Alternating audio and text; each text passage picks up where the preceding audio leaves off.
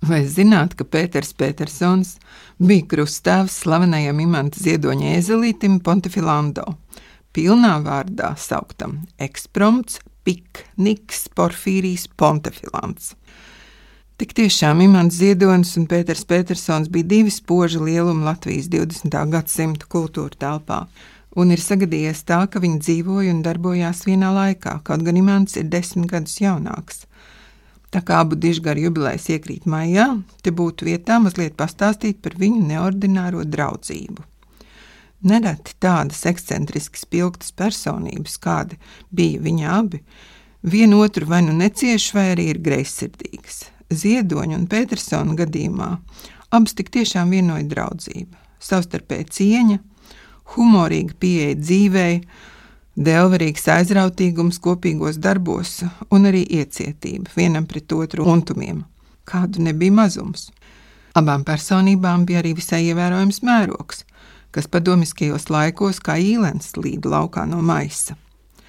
Abi ir estēti attiecībā uz mājas iekārtojumu un vidi sev apkārt, abi mīl labi ģērbties, nereti redzam trīsdaļīgos uzvalkos ar tauriņu, Abi mēdz šķilt humorīgas piezīmes un izaicināt apkārtējos, kaut ziedonis, manuprāt, ir labvēlīgāks, Petersons reizums nesaudzīgāks.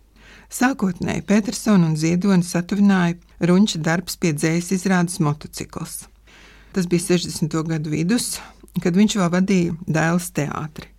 Un vainīga bija Petersona aizraušanās ar jaunā teātra meklējumiem 60. gadu sākumā un vidū, Un tad viņa rokās nonāca imanta ziedoņa jaunākie dzējoļu krājumi - sirds dinamīts 63. gads un motocikls 65. gads.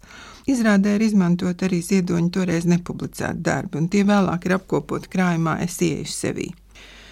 Parādot imanta ziedoņa dzējā pieteikto jauno cilvēku kā dumpinieku un meklētāju, Petersons cenšas atrast tēlu attiecībās iešifrētās savu laikmetu pretrunas un rada savu jauno teātra virzienu vai poetisko teātri, ar kuru no vienas puses viņš it kā atgriežas pie poetiskās raiņa un tautas dziesmu tradīcijas, kas raksturīgi latviešiem, no otras viņš atklāja savu laikmetu šķautnes, cilvēku ilgas un arī savu krēdo mākslā.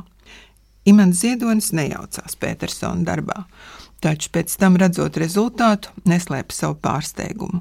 Ievai Zulē Petersons stāsta, ka Pirms sezonas slēgšanas atnāca Imants Ziedonis, noskatījās gandrīz jau pabeigtu darbu, un pēc tam ļoti zīmīgi teica: Tas nekādā gadījumā nav mans motocikls, bet es to atbalstu absolūti. Interesants ir arī mans ziedoņa pārdoms par izrādes galveno tēlu Piču, kuru toreiz spēlēja divi dēls tā laika premjeri Harijs Liepiņš un Ulris Pūcītis. Abi veidotie tēli bija ļoti atšķirīgi, un kritiķi lauza par tiem šķēpus, taču Imantam Ziedonim ir savs spriedums par abiem piču atveidotājiem. Pēc abu sastāvu pirmizrādēm viņš Ausmai Kantānai atzinies, ka pūcītī viņš sev labāk atpazīstot, bet Harijā Liepiņā viņš sev vairāk patīkot. Un Ziedonis pats savus izjūtas par Petersonu veidoto izrādi motocikls raksturo ar sev piemītošo metaforiskumu. Man nebija ne jausmas, ko viņš iztaisīs. Es lepojos, cerēju un baidījos. Varbūt iznāks vismaz kaut kāds mopēds, bet iznāca saksofons. Jā, Imants Ziedonis un Pēters Petersons kļūst draugi, bieži viesojas viens otru mājās. Petersons apciemo Ziedoni gan Agciemā, gan vēlāk Murjāņos. Ziedonis vairākas reizes ciemojies Petersona apšciemu vasaras mājā. Rausmā ir viesi runča meitas Kārinas kāzās. Runča 50 gadu jubilejā Imants Ziedonis runci un noru motociklā ar blakus vāģi uzvizina uz skatuves. Abu dižgaru mīlestību uz everģēlībām izpaužas arī stāstā par Imantam Ziedonim uzdāvinātu ēzelīti, kur tieši Petersons nogādāja līdz ragciem mājas sētai un vēl pie tam pieteicās par krustēvu. Nu, Imants Ziedoņa tēvs gan esot ārkārtīgi šķendējies par šo dulburību. Imants Ziedonis vēlāk ievai Zolē atzīstas. Kopīgi devām skaistajam radījumam vārdu. Ekspromts, pikniks, porfīrijs, pontefilants. Pirmie divi ir manis dotie, pārējie Pētera. Noteikti viņš pastāvēja, ka vienam no vārdiem ir jābūt porfīrijs. Jā, zīmīgi, ka Imants Ziedonis bija viens no retajiem draugiem, kurš nesauc Petersonu par unci, bet gan vārdā. Tajā pašā ziedoņa atmiņas stāstā figurē kāda epizode, kas saistīta ar Petersona slaveno autobraukšanas mākslu un bija visai neordināra. Imants stāsta, viens brauciens mums ar Pēteru pie stūres notika ap veco ģertrūdas baznīcu.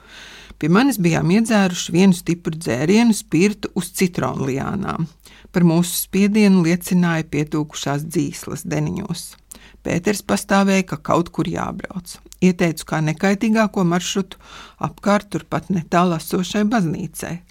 Es neatceros, cik reizes ātrākos un lēnākos riņķos rāvāmies uz priekšu, skaļi mašīnā apjūsmodam savu izveicību un gudro iedomu, kamēr piekusām.